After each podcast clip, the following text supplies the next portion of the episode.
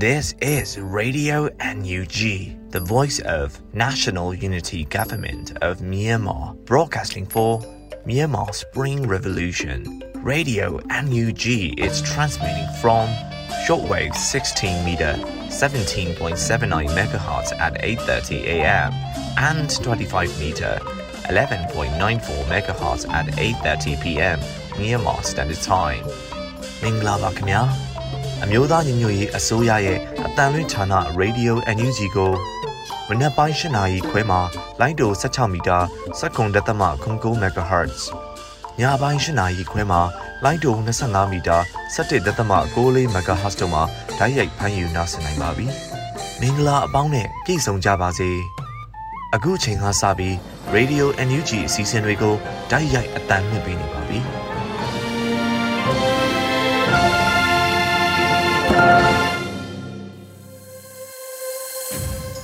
မင်္ဂလာပါခင်ဗျာတောတာရှင်တွေအားလုံးတော်လိုင်းခရီးလမ်းမှာကြမ်းကြမ်းမာမာနဲ့ဘေးကင်းတာယာရှိကြပါစေမြို့သားညွရေးဆိုရဆက်သွယ်ရေးတည်င်းချက်လက်နဲ့ဤတင်ညာဝန်ကြီးဌာနရေဒီယိုအန်ယူဂျီရဲ့ဩဂုတ်လ10ရက်နေ့မနေ့ပိုင်းအတန်လွင့်စီစဉ်တွေကိုထုတ်လွှင့်ခြင်းရောက်ပြီဖြစ်လို့ကာကွယ်ရေးဝန်ကြီးဌာနရဲ့စစ်ရေးတည်င်းကျင့်ကြုံများနဲ့စတင်ပါမယ်လွတ်လပ်ຫນွေဦးကဖတ်ကြားပေးမှာဖြစ်ပါတယ်အမျိုးသားညွရေးဆိုရကာကွယ်ရေးဝန်ကြီးဌာနမှထုတ်ပြန်တဲ့ နေ့စဉ်စစ်ရေးသတင်းအကျဉ်းချုပ်တွေကိုတင်ပြပါတော့မယ်။တိုက်ပွဲများမှာရန်သူတပ်သား9ဦးသေဆုံးပြီး6ဦးထိခိုက်ဒဏ်ရာရရှိခဲ့တယ်လို့သိရပါတယ်။အာနာသိန်အကြမ်းဖက်စစ်တပ်နဲ့တိုက်ပွဲဖြစ်ပွားခဲ့မှုသတင်းများမှာပဲခူးတိုင်းမှာ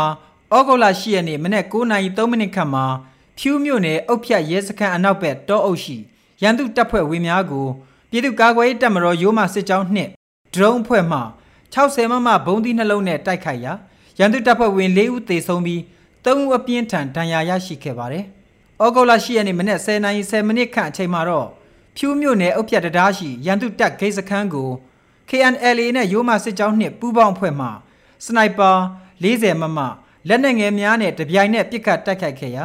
ရန်သူတပ်ဖွဲ့ဝင်တဦးသေဆုံးပြီး၃ဦးပြင်းထန်ဒဏ်ရာရရှိသွားပါတယ်။ဆက်လက်ပြီးအာနာသိန်းအကြမ်းဖက်စစ်တပ်ကကျူးလွန်သောရာဇဝတ်မှုတွေကိုတင်ပြပါဦးမယ်။ကချင်ပြည်နယ်မှာ ဩဂုတ်လ10ရက်နေ့မနက်8နာရီခန့်မှာရွှေကူမြို့နယ်ရွှေကူလေးကြီးရွာရွှေပုံသာကြီးရွာနဲ့ငပောက်ဝကြီးရွာဘက်သို့ရန်သူတပ်သား30ခန့်ကတန်ခွန်မော်တော်နှစ်စီးဖြင့်ရောက်လာပြီးစစ်သင်းဘော6စီးရွှေကူသင်းဘောစိတ်မှဗမော်ဘက်ကိုဆန်တက်ရာတွင်လူသားတိုင်းအနေဖြင့်3ရန်ဒေသခံပြည်သူ30ကျော်ကိုဖမ်းဆီးသွားခဲ့ကြောင်းသိရပါတယ်ခင်ဗျာယခုတင်ပြခဲ့တဲ့သတင်းတွေကိုမြေပြင်သတင်းတာဝန်ခံတွေနဲ့ခိုင်လုံသောမိဖက်သတင်းရင်းမြစ်များမှာအခြေခံပြုစုထားတာဖြစ်ပါတယ်ခင်ဗျာ ကျွန်တော်ကလွတ်လပ်နေဦးပါ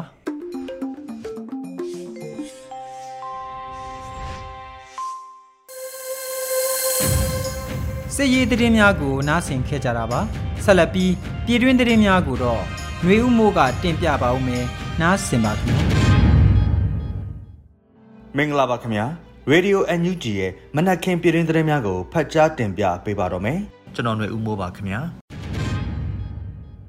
မြန်မာနိုင်ငံတွင်အကြမ်းဖက်မှုများရော့ချစေရေးအတွက်အာဆီယံပြည်ညင်ပါအချက်များနဲ့အညီပုံမတိုးမြင့်ဆောင်ရွက်ရန်နိုင်ငံခြားရေးဝန်ကြီးဒေါ်စင်မအောင်တိုက်တွန်းဆိုတဲ့သတင်းကိုတင်ပြသွားပါမယ်။မြန်မာနိုင်ငံတွင်အကြမ်းဖက်မှုများရော့ချစေရေးအတွက်အာဆီယံပြည်ညင်ပါအချက်များနဲ့အညီပုံမတိုးမြင့်ဆောင်ရွက်ရန်နိုင်ငံခြားရေးဝန်ကြီးဌာနပြည်ထောင်စုဝန်ကြီးဒေါ်စင်မအောင်မှအောက်တိုဘာ10ရက်အာဆီယံ56နှစ်ပြည့်အထိမ်းအမှတ်ဂုဏ်ပြုတဝန်လွှာပေးပို့ရမှာထည့်သွင်းဖော်ပြထားပါတယ်။ ပြည်ထောင်စုသမ္မတမြန်မာနိုင်ငံတော်အမျိုးသားညီညွတ်ရေးအစိုးရနိုင်ငံခြားရေးဝန်ကြီးဌာနပြည်ထောင်စုဝန်ကြီးဒေါ်စင်မာအောင်သည်အရှိတောင်အာရှနိုင်ငံများအသင်းအာဆီယံဖွဲ့စည်းတည်ထောင်ခြင်း56နှစ်ပြည့်အထိမ်းအမှတ်တဝန်လွှာကိုပေးပို့ခဲ့ပါတယ်။အဆိုပါတဝန်လွှာတွင်အာဆီယံအဖွဲ့ကြီးတည်ထောင်ခဲ့သည့်56နှစ်ပြည့်မြောက်ခဲ့သည့်အတွက်ဂုဏ်ယူပါကြောင်းအင်ဒိုနီးရှားနိုင်ငံ၏ဥက္ကဋ္ဌတက်တန်းကာလအတွင်းအာထုတ်ဂျပန်ဆောင်ရွက်မှုများအတွက်လည်း အတိအမှတ်ပြုလိုပါကြောင်းထည့်သွင်းဖော်ပြထားပါတယ်။ထို့အပြင်မြမအရင်နဲ့ဆက်လင်း၍လဲမြန်မာနိုင်ငံတွင်အကြမ်းဖက်မှုများရော့ချစေရေးအတွက်အာဆီယံပြည်ညင်ပါအချက်များနဲ့အညီပုံမတိုးမြင့်ဆောင်ရွက်ရန်လဲတိုက်တွန်းအားပေးထားတယ်လို့သိရပါတယ်ခင်ဗျာ။အမျိုးသားညီညွတ်ရေးအစိုးရအသင်းအဖွဲ့မှတ်ပုံတင်လက်မှတ်ထုတ်ပေးရေးဘိုးကော်မတီအစည်းအဝေးကျင်းပဆိုတဲ့သတင်းကိုတင်ပြသွားပါမယ်။ အမျိုးသားညီညွတ်ရေးအစိုးရအသင်းဖွဲ့မှတ်ပုံတင်လက်မှတ်ထုတ်ပေးရေးဗဟိုကော်မတီအစည်းအဝေးအမှတ်စဉ်1မြင်းဆောင်2023ကိုဩဂုတ်လ9ရက်မှာကျင်းပခဲ့ပါတယ်။အစည်းအဝေးတွင်အသင်းအဖွဲ့မှတ်ပုံတင်လက်မှတ်ထုတ်ပေးရေးဗဟိုကော်မတီဥက္ကဋ္ဌပြည်ထရေးနှင့်လူဝင်မှုကြီးကြပ်ရေးဝန်ကြီးဌာနပြည်ထောင်စုဝန်ကြီးဦးလွင်ကိုလက်မှအဖွင့်အမှာစကားပြောကြားရာတွင်ကော်မတီအနေဖြင့်လုပ်ငန်းဆောင်ရွက်နေသည်မှာတစ်နှစ်ခန့်ရှိပြီဖြစ်ကြောင်းလုပ်ငန်းအဖွဲ့မှာပုံမှန်လည်ပတ်နေပြီးအသင်းအဖွဲ့မှတ်ပုံတင်များအား စီစစ်ကဆောင်ရွက်လျက်ရှိကြောင်းကော်မတီ၏လုပ်ငန်းလမ်းညွှန်ချက်များပေါ်ဆောင်ရွက်ကြရန်လိုအပ်ကြောင်းနိုင်ငံတကာနှင့်ပတ်သက်၍ဆက်ဆက်ဆောင်ရွက်နေသည့် INGO အဖွဲ့အစည်းများမှတ်ပုံတင်နိုင်ရေးကိုလည်းအားကောင်းစွာလှုပ်ဆောင်သွားမည်ဖြစ်ကြောင်းလုပ်ငန်းစဉ်တိုင်း၌ပုံမူကျယ်ပြန့်စွာဆောင်ရွက်နိုင်ရေးလိုအပ်ပါကြောင်းတော်လန်ရေးတွင်ဦးစားပေးဆောင်ရွက်ရသော အခန်းကဏ္ဍများနှင့်တိုင်ပင်ချိန်ကပ်ပြီးလုပ်ငန်းများအားဆောင်ရွက်ကြရမည်ဖြစ်ပါကြောင်းပြောကြားခဲ့ပါတယ်။ဆက်လက်ပြီး တက်ရောက်လာကြသောအသင်းအဖွဲ့မှတ်ပုံတင်လက်မှတ်ထုတ်ပေးရေးဗဟိုကော်မတီအဖွဲ့ဝင်များမှ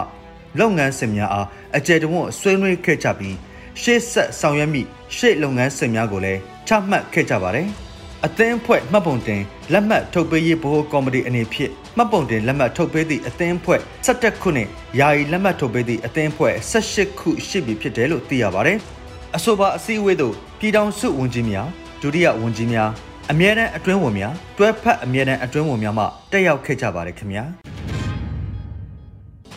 ဗန်နာရေးနှင့်စီးပွားရေးတိုက်ပွဲလူထုဆက်ပြီးပါဝင်နှွှဲကြဖို့တိုက်တွန်းဆိုတဲ့သတင်းကိုတင်ပြတော့ပါမယ်။အောက်ဂုတ်လ9ရက်မှာပြည်ထရေးဝန်ကြီးဦးလွင်ကိုလက်ကဗန်နာရေးနဲ့စီးပွားရေးတိုက်ပွဲလူထုဆက်ပြီးပါဝင်နှွှဲကြဖို့လူမှုကွန်ရက်မှာတိုက်တွန်းလိုက်ပါတယ်။စစ်ကောင်စီအုပ်ချုပ်ခွင့်မရစေရဆိုတဲ့ဆိုင်းပုတ်တွေ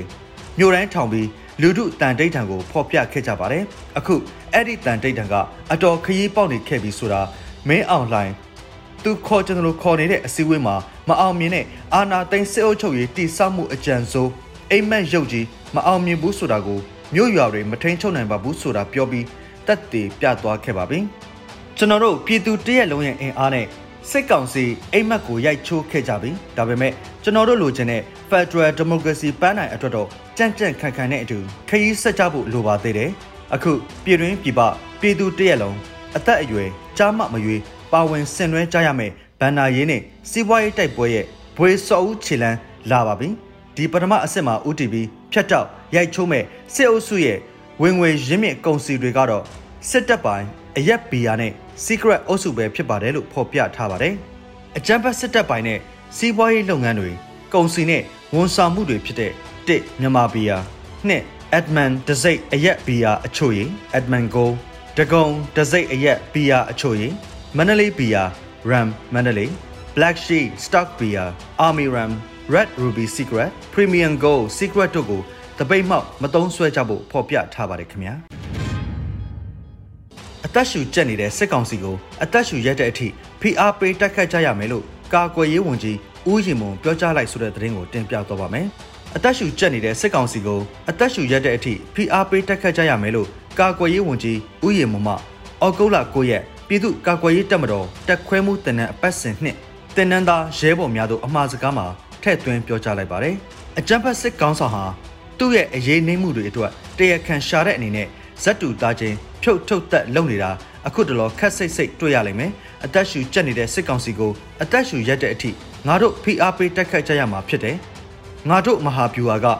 ကွက်ပြည့်နေကွက်စိတ်နေတဲ့ဗျူဟာဖြစ်တယ်ဆိုတာရဲဘော်တို့သိရှိပြီးဖြစ်တယ်။တပြေလုံးအတိုင်းအတာနဲ့ဒေတာတိုင်းမှာအင်အားစုစည်းပြီးငါတို့တိုက်ပွဲဝင်ခဲ့ကြတယ်။မဟာဗျူဟာနောက်တစ်ဆင့်အဖြစ် PDF နဲ့မဟာမိတ်များဒုအင်အားတိစောက်ပြီးတခုတည်းသောစီမံချက်အောက်မှာမဟာဗျူဟာထိုးစစ်ကိုဆင်နွှဲကြရမှာဖြစ်တယ်။ရဲဘော်တို့အနေနဲ့ဒီစစ်စင်ရေးမှာစစ်မျက်နှာအသီးသီးကနေအရေးကြီးတဲ့စစ်မြေပြင်ခေါင်းဆောင်များအဖြစ် ပါဝင်ကြရမှာဖြစ်တယ်လို့ဝန်ကြီးကဆိုပါတယ်။ပြည်သူ့ကာကွယ်ရေးတပ်မတော် PDF ဟာအချိန်ကာလနှစ်နှစ်ကျော်အတွင်းမှာအခြေခံစစ်ပညာသင်တန်းအကျက်အဆင့်စစ်ပညာသင်တန်းမိုင်းလက်နက်ကြီး drone sniper ထုတ်လို့ရေးဦးရေးထောက်မဟာဗျူဟာနဲ့နီးဗျူဟာအဆင့်သင်တန်းတွေကိုပို့ချနိုင်ခဲ့ပြီဖြစ်တယ်ဒီကနေ့ရဲဘော်တို့ကိုလိုရင်းမှာလိုတာကကိုတက်နဲ့ကိုလက်ထဲမှာမြဲအောင်ကင်ပါကိုတက်မာတထက်မအောင်တိဆောက်ပါငုံမိတဲတိုင်း တက်နိုင်ဖျက်ရောက်ဆိုသလိုပဲတော်လန်ရေးပန်းနိုင်စီဥလယ်မတုံဆက်လက်ချီတက်ကြပါလို့ဝန်ကြီးကဆိုပါတယ်ခင်ဗျာ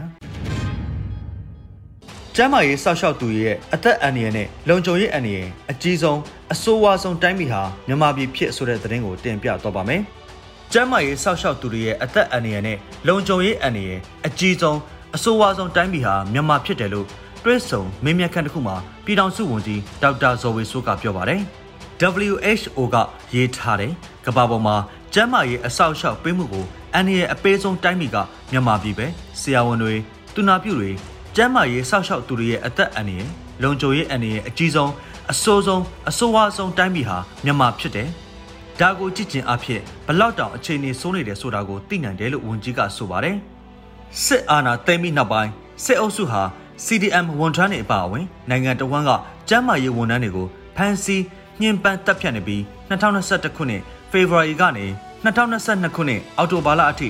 စစ်အုပ်စုရဲ့နှိပ်စက်တပ်ဖြတ်မှုကြောင့်ကျန်းမာရေးလုပ်သား58ဦးသေဆုံးခဲ့က900ကျော်ဖမ်းဆီးနှိပ်စက်ညှဉ်းပန်းခံရကြောင်းနဲ့စစ်အုပ်စုကစေယုံစေကန်90ကျော်နဲ့လူနာတင်ရင်40ကျော်ကိုတိုက်ခိုက်ဖျက်ဆီးခဲ့တယ်လို့အမျိုးသားညီညွတ်ရေးအစိုးရအန်ယူဂျီရဲ့ကျန်းမာရေးဝန်ကြီးဌာနကထုတ်ပြန်ထားပါတယ်ခင်ဗျာ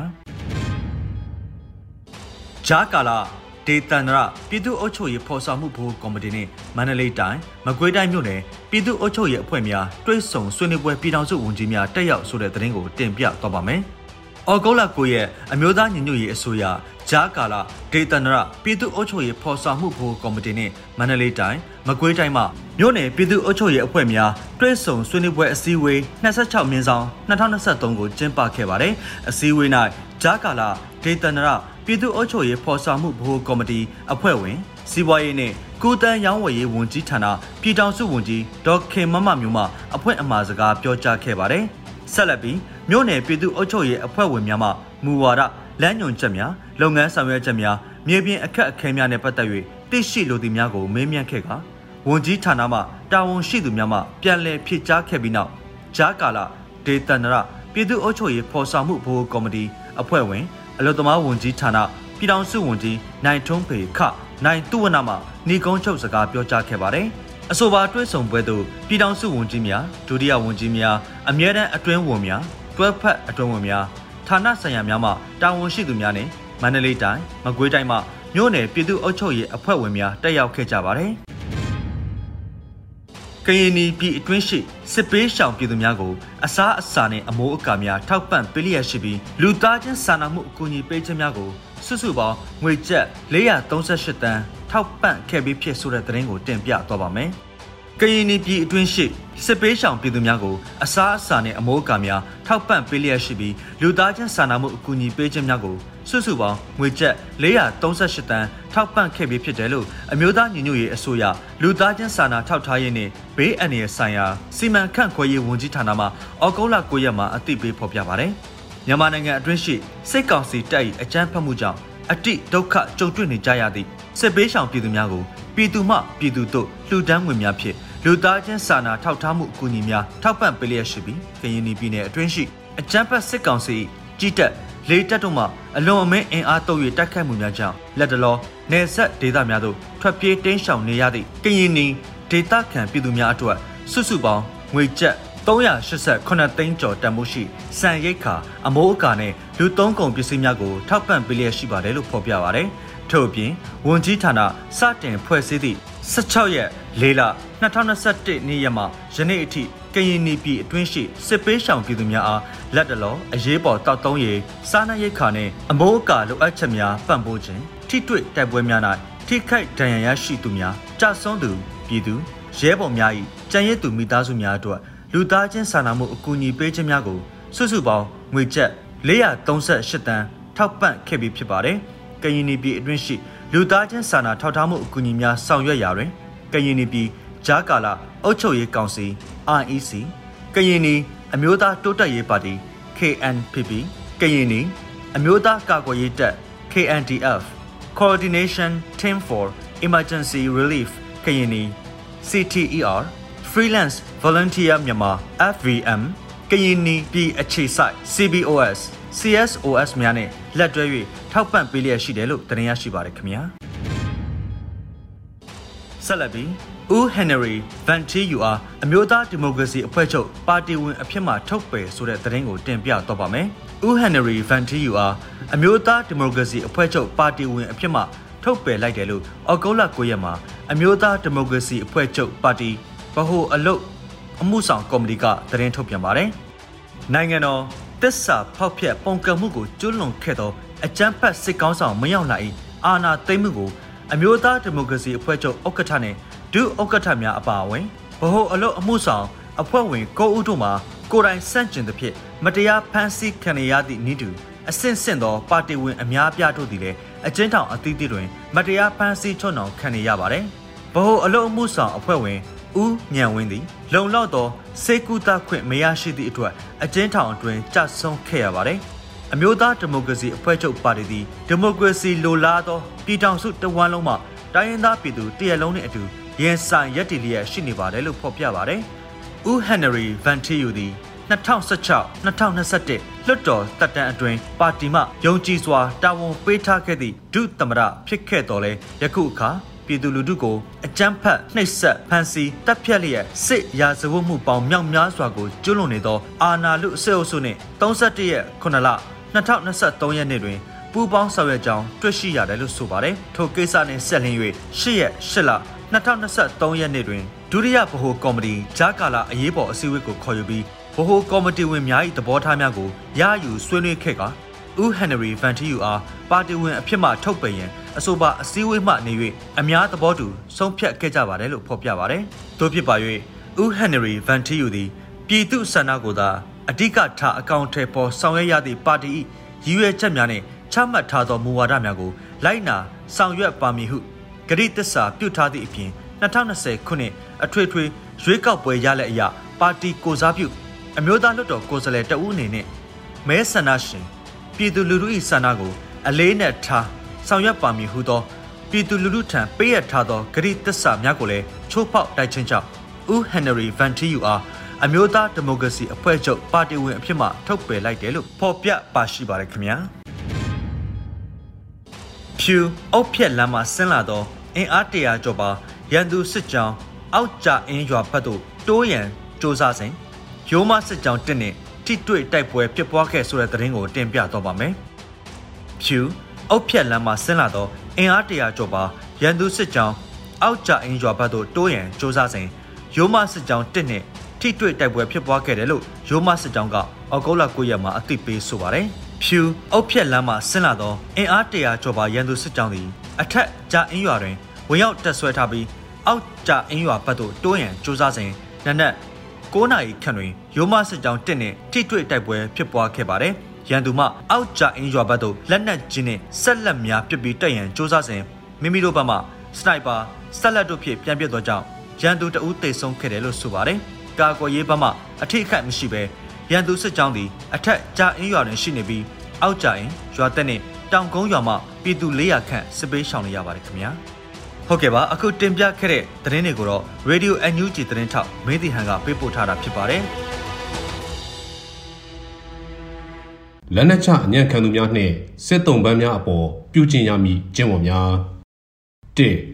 လက်နက်ချအညံ့ခံသူများနှင့်စစ်တုံးပန်းများအားနှိပ်စက်ခြင်း တပ်ဖြတ်ခြင်းမပြုရ၂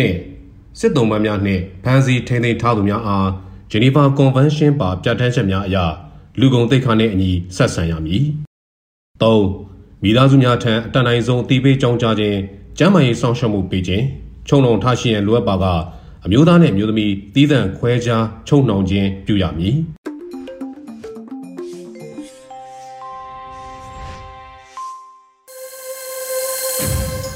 ဩဂုတ်လ10ရက်နေ့ရေဒီယိုအန်ယူဂျီရဲ့မနက်ပိုင်းအတန်လွှင့်စီစဉ်များကိုနားဆင်နေကြတာပါ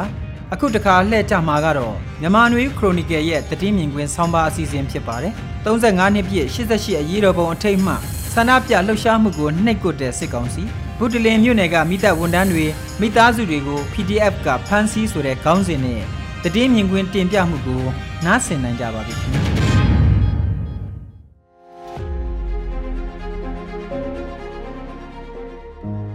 35နှစ်ပြည့်88အရေးတော်ပုံအထိမ်းအမှတ်ဆန္ဒပြလှုပ်ရှားမှုကိုနှိပ်ကွပ်တဲ့စစ်ကောင်စီဘုတင်လင်မြို့နယ်ကမိသားဝန်ထမ်းတွေနဲ့မိသားစုတွေ PDF ကဖမ်းဆီး88အရေးတော်ပုံ35နှစ်ပြည့်အထိမ်းအမှတ်အနေနဲ့ဆန္ဒထုတ်ဖော်မှုတွေကိုရန်ကုန်မန္တလေးမြို့နယ်အခြားသောလက်နက်ကိုင်ပြည်ပခဖြစ်ပွားနေတဲ့ဒေသအချို့တို့မှာကျင်းပခဲ့ကြတယ်လို့သတင်းဖော်ပြမှုတွေမှာတွေ့ကြရတာဖြစ်ပါတယ်။2021ခုနှစ်မှာအာဏာသိမ်းတဲ့စစ်ကောင်စီအနေနဲ့ 88အရေးတော်ပုံကာလကစစ်တပ်ရဲ့လုပ်ရက်တွေနဲ့ပတ်သက်လို့အမတ်တရအထိမ်းအမှတ်လှုပ်ဆောင်မှုတွေကိုခွင့်မပြုခြင်းအခုလိုအထိမ်းအမှတ်လှုပ်ဆောင်ခြင်းဟာစစ်တပ်ကိုဆန့်ကျင်ခြင်းလို့အဓိပ္ပာယ်ကောက်ယူပြီးနှိပ်ကွပ်မှုတွေလှုပ်ဆောင်နေတာလည်းတွေ့ရမှာပါ88အရေးတော်ပုံရဲ့တမိုင်းဟာထိုအစဉ်ကာလကတပါတီအာဏာရှင်စနစ်အသွင်ယူထားတဲ့စစ်တပ်ကဗိုလ်ချုပ်တွေဦးဆောင်တဲ့မြန်မာဆိုရှယ်လစ်လမ်းစဉ်ပါတီကိုဖြုတ်ချခဲ့ပြီး တလကျော်အကြာမှာစစ်တပ်ကပါတီမနဖုံးချပြီးစစ်ဝတ်စုံတဲ့နိုင်ငံရေးအာဏာကိုရယူလာခဲ့တဲ့သမိုင်းမြဖြစ်ပါတယ်။ဆန္ဒပြမှုတွေရဲ့အစနဲ့စစ်အာဏာသိမ်းမှုရဲ့အဆုံးကာလတွေမှာစစ်တပ်ကဆန္ဒပြသူတွေကိုစစ်မြေပြင်မှာတုံးတဲ့မောင်းပြန် rifle နဲ့ပစ်ခတ်ခဲ့ပြီးအသက်ဆုံးရှုံးသူပေါင်း3000ခန့်ရှိခဲ့တယ်လို့မှတ်တမ်းတင်ကြရတဲ့အရေးတော်ပုံဖြစ်ပါတယ်။အဲဒီကာလကစစ်တပ်ကိုအမိန့်ပေးခဲ့သူတွေတာဝန်ရှိသူတွေက ခုအချိန်မှာတက်ချီတင်ရှားမရှိတဲ့သူကအများစုဖြစ်ပေမဲ့ဒီလိုလှုပ်ဆောင်မှုတွေကိုစစ်တပ်ကလှုပ်ဆောင်ခဲ့တာဖြစ်လို့ယခုလက်ရှိစစ်ကောင်စီကအဲ့ဒီကာလကစစ်တပ်ရဲ့ရက်ဆက်တဲ့ဖြိုခွဲမှုတပ်ဖြတ်မှုတွေဘက်ကရက်တီပြီးယခုလိုသမိုင်းစင်လာအရာ88အရေးတော်ပုံရဲ့အထိမ်းအမှတ်လှုပ်ဆောင်သူတွေကို၎င်းတို့ကိုစန့်ကျင်တဲ့သူတွေတပွဲအရေးယူဖမ်းဆီးနေတဲ့သဘောလည်းဖြစ်ပါတယ် 88အရေးတော်ပုံ35နှစ်ပြည့်မြောက်တဲ့အချိန်မှာမြန်မာနိုင်ငံဟာထိုးစဉ်ကာလကမပြီးဆုံးခဲ့တဲ့စစ်အာဏာရှင်စန့်ကျင်ရေးစစ်အာဏာရှင်စနစ်ဖယ်ရှားရေးနောက်ထပ်လှုပ်ရှားမှုတစ်ခုတည်းကိုဖျက်ဆီးနေရခြင်းလို့ဆိုရမှာဖြစ်ပါတယ်။ 88အရေးတော်ပုံပြီးကစားအခြေအနေတွေတဟက်ဘုံဘပြင်းထန်တဲ့လက်နက်ကင်နီလန်နဲ့စစ်အာဏာရှင်တပ်တွေကိုတိုက်ခိုက်နေကြချိန်မြန်မာနိုင်ငံရဲ့နေရာအနှံ့အပြားပြည်တွင်းစစ်ဖြစ်ပွားနေချိန်စစ်ပေးဒုက္ခတဲ့တန်ကနန်းကျော်လွန်ပြီးလက်နက်ကင်ဖွဲ့တွေတာမကအယက်သားအသက်ဆုံးရှုံးမှုတွေနေစဉ်နဲ့အမျှဖြစ်ပွားနေချိန်ဇီးဝါးရေးဘက်မှာငွေချေးဖောက်မောက်မှုတွေကျဲပြန့်စွာနဲ့ရှိုင်းစွာဖြစ်ပေါ်နေပြီးပြည်တွင်းမှာအလုတ်ကင်ခွင်လန်းရှားပါမှုကြောင့်ရွှေပြောင်းအလုတ်သမားလို့ခေါ်တဲ့ အိန္ဒိယနိုင်ငံတွေမှာအလုတ်လုပ်ဖို့လူဦးရေတန်းတဲ့ချီထွက်ခွာကအလုတ်လုတ်ကင်ပြီးပြည်တွင်းကမိသားစုဝင်တွေကိုရန်လည်ထောက်ပံ့နေကြတဲ့အခြေအနေမျိုးကြာရောက်နေချိန်လည်းဖြစ်ပါတယ်။တိုင်းပြည်ရဲ့ပညာရေး၊ကျန်းမာရေးအနိုင်ဆုံးအခြေအနေကိုကျဆင်းနေပြီးအများပြည်သူအတွက်ကျန်းမာရေးစောင့်ရှောက်မှုစနစ်တွေပျက်စီးပြိုကျနေတဲ့အနေအထားလူများစုအတွက်အခါချင်းငွေတက်တာတဲ့ပညာရေးဝန်ဆောင်မှုတွေမှာလုံလောက်တဲ့ဝန်ထမ်းမရှိတဲ့အနေအထား ယုံကြည်မှုပြတ်ပြားနေတဲ့အနေအထားနဲ့နိုင်ငံရေးအရာသဘောထားကွဲလွဲမှုတွေကြောင့်လူမှုအတိုင်းဝိုင်းမှာတယောက်နဲ့တယောက်တန်တရားတွေနဲ့တတိထားဆက်ဆံနေထိုင်ကြရတဲ့ကာလလည်းဖြစ်ပါတယ်88အရေးတော်ပုံကိုရှုမြင်ကြရမှာဒီမိုကရေစီလိုလားသူတွေဘက်ကငါတို့ရဲ့ရှေ့ကဖြစ်ပေါ်ခဲ့တဲ့ဒီမိုကရေစီအရေးတော်ပုံလို့ရှုမြင်ကြသလိုစစ်တပ်ဘက်ကလည်း၎င်းတို့ရဲ့နိုင်ငံရေးအာဏာမှာနေရာဝင်ယူတဲ့ရည်တည်ချက်အတွက်ကာကွယ်ခြင်းနဲ့အတူ88အရေးတော်ပုံကိုဖြိုခွဲခဲ့တဲ့စစ်ကောင်းဆောင်တွေနဲ့ သဘောထားရည်တည်ချက်အတူတူဖြစ်ကြောင်းပြတာက88အရေးတော်ပုံကိုလက်မခံတဲ့ဘက်ကခိုင်မာစွာရည်တည်ပြီးဒီမိုကရေစီအရေးလှုပ်ရှားသူမှန်သမျှကိုဖန်ဆီးနှိပ်ကွပ်ဖို့ဆုံးဖြတ်ထားတဲ့အနေအထားလည်းဖြစ်ပါတယ်။ဒီနေ့အတွက်သတင်းတွေလည်းအထူးသတိပြုအာရုံစိုက်မိနေတဲ့သတင်းကြောင်းရာတစ်ခုကတော့ဘုဒ္ဓလင်မြို့နယ်မိသက်ဦးစီးမှုနဲ့မိသက်ဌာနကဝန်ထမ်းနဲ့မိသားစုဝင်စုစုပေါင်း22ဦးကိုပြည်သူ့ကာကွယ်ရေးအဖွဲ့တွေကဖမ်းဆီးသွားတဲ့သတင်းဖြစ်ပါတယ်။ဘုဒ္ဓလင်မြို့နယ်နဲ့စစ်ကောင်စီတပ်ကစစ်ကြောင်းတွေထိုးနေစင်မှာပဲ ဘုဒ္ဓလင်မြို့နယ်မိသက်ဦးစီးဌာနကို PDF တပ်ဖွဲ့တွေကဝင်စီးပြီးဝန်ထမ်းနဲ့ဝန်ထမ်းမိသားစုအချို့ကိုဖမ်းဆီးပြီးမိသက်ကားနှစ်စီးကိုယူဆောင်သွားတယ်လို့သတင်းဖော်ပြချက်တွေမှာဖတ်ရှုရပါတယ်။ယခုလိုဖမ်းဆီးမှုကိုဘုဒ္ဓလင်မြို့နယ်ပြည်သူ့ကာကွယ်ရေးပူးပေါင်းတပ်ကလှုံ့ဆော်ခဲ့တာလို့ RFA သတင်းထဲမှာဖော်ပြထားပြီးမိသက်ဦးစီးဌာနအနေနဲ့ဂျေးဝါတွေကိုစစ်ကောင်စီကမီးရှို့ဖျက်ဆီးတဲ့အခါမှာမီးလောင်တဲ့နေအိမ်တွေကိုမိသက်ချင်းမရှိလို့ဖမ်းဆီးရတာလို့အကြောင်းပြချက်အဖြစ်နဲ့သတင်းမီဒီယာကိုပြောဆိုထားပါတယ်။ ဖမ်းဆီးခံရတဲ့သူတွေဟာစစ်ကောင်စီရဲ့လက်နက်ကင်တိုက်ခတ်မှုတွေမှာပါဝင်သူနဲ့ကူညီသူတွေမဟုတ်တာကြောင့်ယခုလိုအရက်ဖက်ဌာနဆိုင်ရာဝန်ထမ်းတွေနဲ့၎င်းတို့ရဲ့မိသားစုဝင်တွေကိုပါဖမ်းဆီးခြင်းချင်းချောက်ခြင်းတွေကပြည်သူ့ကာကွယ်ရေးတပ်ဖွဲ့တွေရဲ့ဂုဏ်သတင်းနဲ့ထောက်ခံမှုကိုထိပါစေနိုင်တယ်လို့နိုင်ငံတကာရဲ့အမြင်မှာလည်းအရက်ဖက်ဌာနဆိုင်ရာဝန်ထမ်းတွေနဲ့အရက်သားတွေကိုဖမ်းဆီးမှုအဖြစ်ယူဆပြီးနိုင်ငံတကာစည်းမျဉ်းစည်းကမ်းတွေလူ့အခွင့်အရေးဆိုင်ရာစံချိန်စံညွှန်းတွေကိုချိုးဖောက်တယ်လို့သတ်မှတ်ခံရနိုင်တာဖြစ်ပါတယ်။ အမျိုးသားညီညွတ်ရေးအစိုးရအနေနဲ့ယခုလိုကိစ္စရပ်မျိုးတွေအတွက်မူဝါဒအဖြစ်တာဝန်ခံရမယ့်အနေအထားမှာရှိနေပြီးယခုလိုအောက်ခြေမှာဖြစ်ပွားနေတာတွေကိုထိန်းသိမ်းဖို့အရေးယူဖို့ဝတ္တရားလည်းရှိနေတာဖြစ်ပါတယ်။အကယ်၍အောက်ခြေကအဖြစ်အပျက်တွေကိုအရေးယူဖို့ထိန်းသိမ်းဖို့မစွမ်းနိုင်ဘူးစင်ကြေပေးခဲ့ရင်လည်းတစ်ဖက်မှာတရွာတပိုအုပ်ချုပ်ကျင့်သုံးနေကြတဲ့အခြေအနေမျိုးကိုဝန်ခံသလိုဖြစ်စေနိုင်တာလည်းဖြစ်ပါတယ်။ CDM မလုပ်သူတွေကိုတစ္ဆာဖောက်လို့သတ်မှတ်ကအရေးယူအပြစ်ပေးမယ်လို့ထုတ်ပြန်ကြေညာတာလက်တွေ့လှုပ်ဆောင်တာတွေလိုပဲယခုလိုအရက်ဖက်ဌာနဆိုင်ရာဝန်ထမ်းနဲ့မိသားစုဝင်တွေကိုဖမ်းဆီးအရေးယူခြင်းကလည်းဘူဝါဒဆိုင်ရာအမှားယွင်းမှုတစ်ခုအဖြစ်သတ်မှတ်ခံရနိုင်ခြင်းရှိတာလည်းဖြစ်ပါတယ်ခင်ဗျာယခုတက်ဆက်ပေးခဲ့တာကတော့မြန်မာနေဦး Chronicle August လ10ရက်နေ့မြေခွင်မိုးမခဆောင်ပါပဲဖြစ်ပါတယ်။ဆောင်းပါကောင်းစဉ်အမိကတော့ 35နှစ်ပြည့်88အရေးတော်ပုံအထိမ်းအမှန်ဆန္ဒပြလှုပ်ရှားမှုကိုနှိပ်ကွပ်တဲ့စစ်ကောင်စီဗုဒ္ဓလင်မြို့နယ်ကမိသားဝန်ထမ်းတွေနဲ့မိသားစုတွေ PDF ကဖမ်းဆီးပဲဖြစ်ပါတယ်ခင်ဗျာကျွန်တော်ကတော့ຫນွေဦးမှာပါ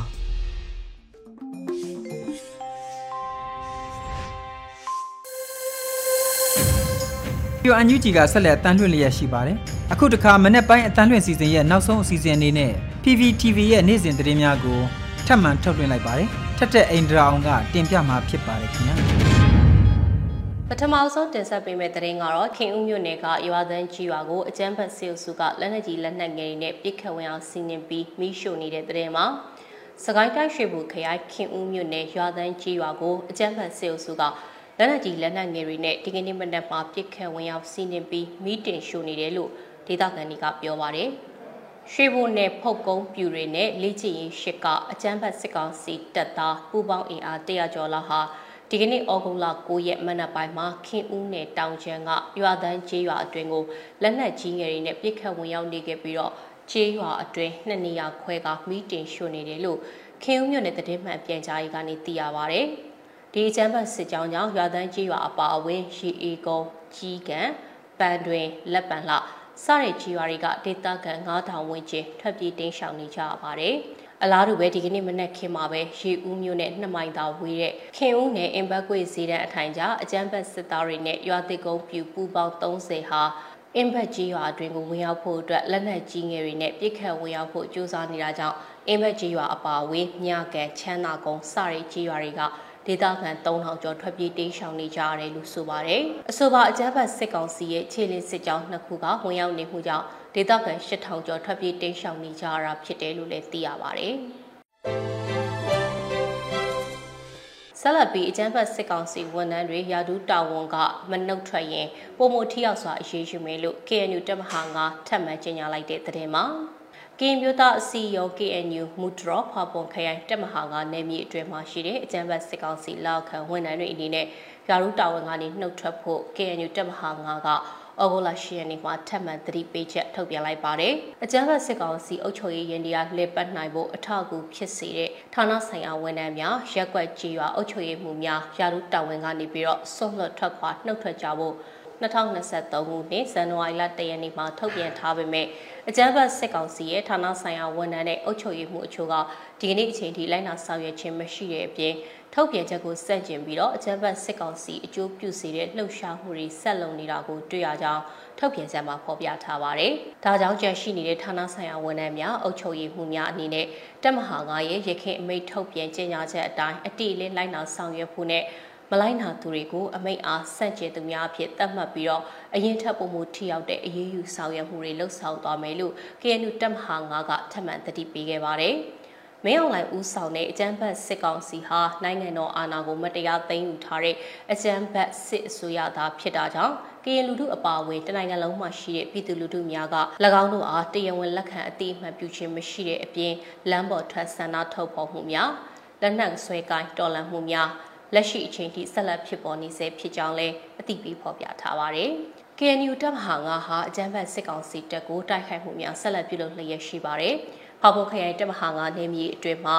စစ်ကောင်စီတပ်တွေကိုတိုက်ခိုက်မှုတွေလည်းနေ့စဉ်နီးပါးလှုပ်ဆောင်လျက်ရှိရာပြီးခဲ့တဲ့ဇူလိုင်လအတွင်းတိုက်ပွဲပေါင်း189ကြိမ်ရှိခဲ့ပြီးတော့အကြမ်းဖက်စစ်ကောင်စီတပ်က109ဦးသေဆုံးခဲ့ပါတယ်။ဒီကနေ့ကတော့ဒီညနေပဲ Radio NUG ရဲ့အစည်းအဝေးကိုခਿੱတရရလိုက်ပါမယ်။ မြန်မာစံတော်ချိန်မနက်၈နာရီခွဲနဲ့ည၈နာရီခွဲအချိန်တွေမှာပြန်လည်ဆုံးဖြတ်ကြပါစို့ Radio NUG ကိုမနက်ပိုင်း၈နာရီခွဲမှာလိုင်းဒို16မီတာစက္ကန့်တသမ9 MHz ညပိုင်း၈နာရီခွဲမှာလိုင်းဒို25မီတာ17သမ6 MHz တို့မှာဓာတ်ရိုက်ဖမ်းယူနားဆင်နိုင်ပါပြီမြန်မာနိုင်ငံသူနိုင်ငံသားများကိုစိတ်နှပြချမ်းမာချမ်းသာလို့ဘေးကင်းလုံခြုံကြပါစေလို့ Radio NUG အဖွဲ့သူအဖွဲ့သားများကဆုတောင်းလိုက်ရပါတယ်။အမျိုးသားညီညွတ်ရေးအစိုးရရဲ့စက်သွေးရေးတရင်အချက်အလက်နဲ့ဤပညာဝန်ကြီးဌာနကထုတ်လွှင့်နေတဲ့ Radio NUG ဖြစ်ပါတယ်။ San Francisco Bay Area အခြေစိုက်မြန်မာမိသားစုများနဲ့နိုင်ငံတကာကစေတနာရှင်များလုပ်အားပေးများရဲ့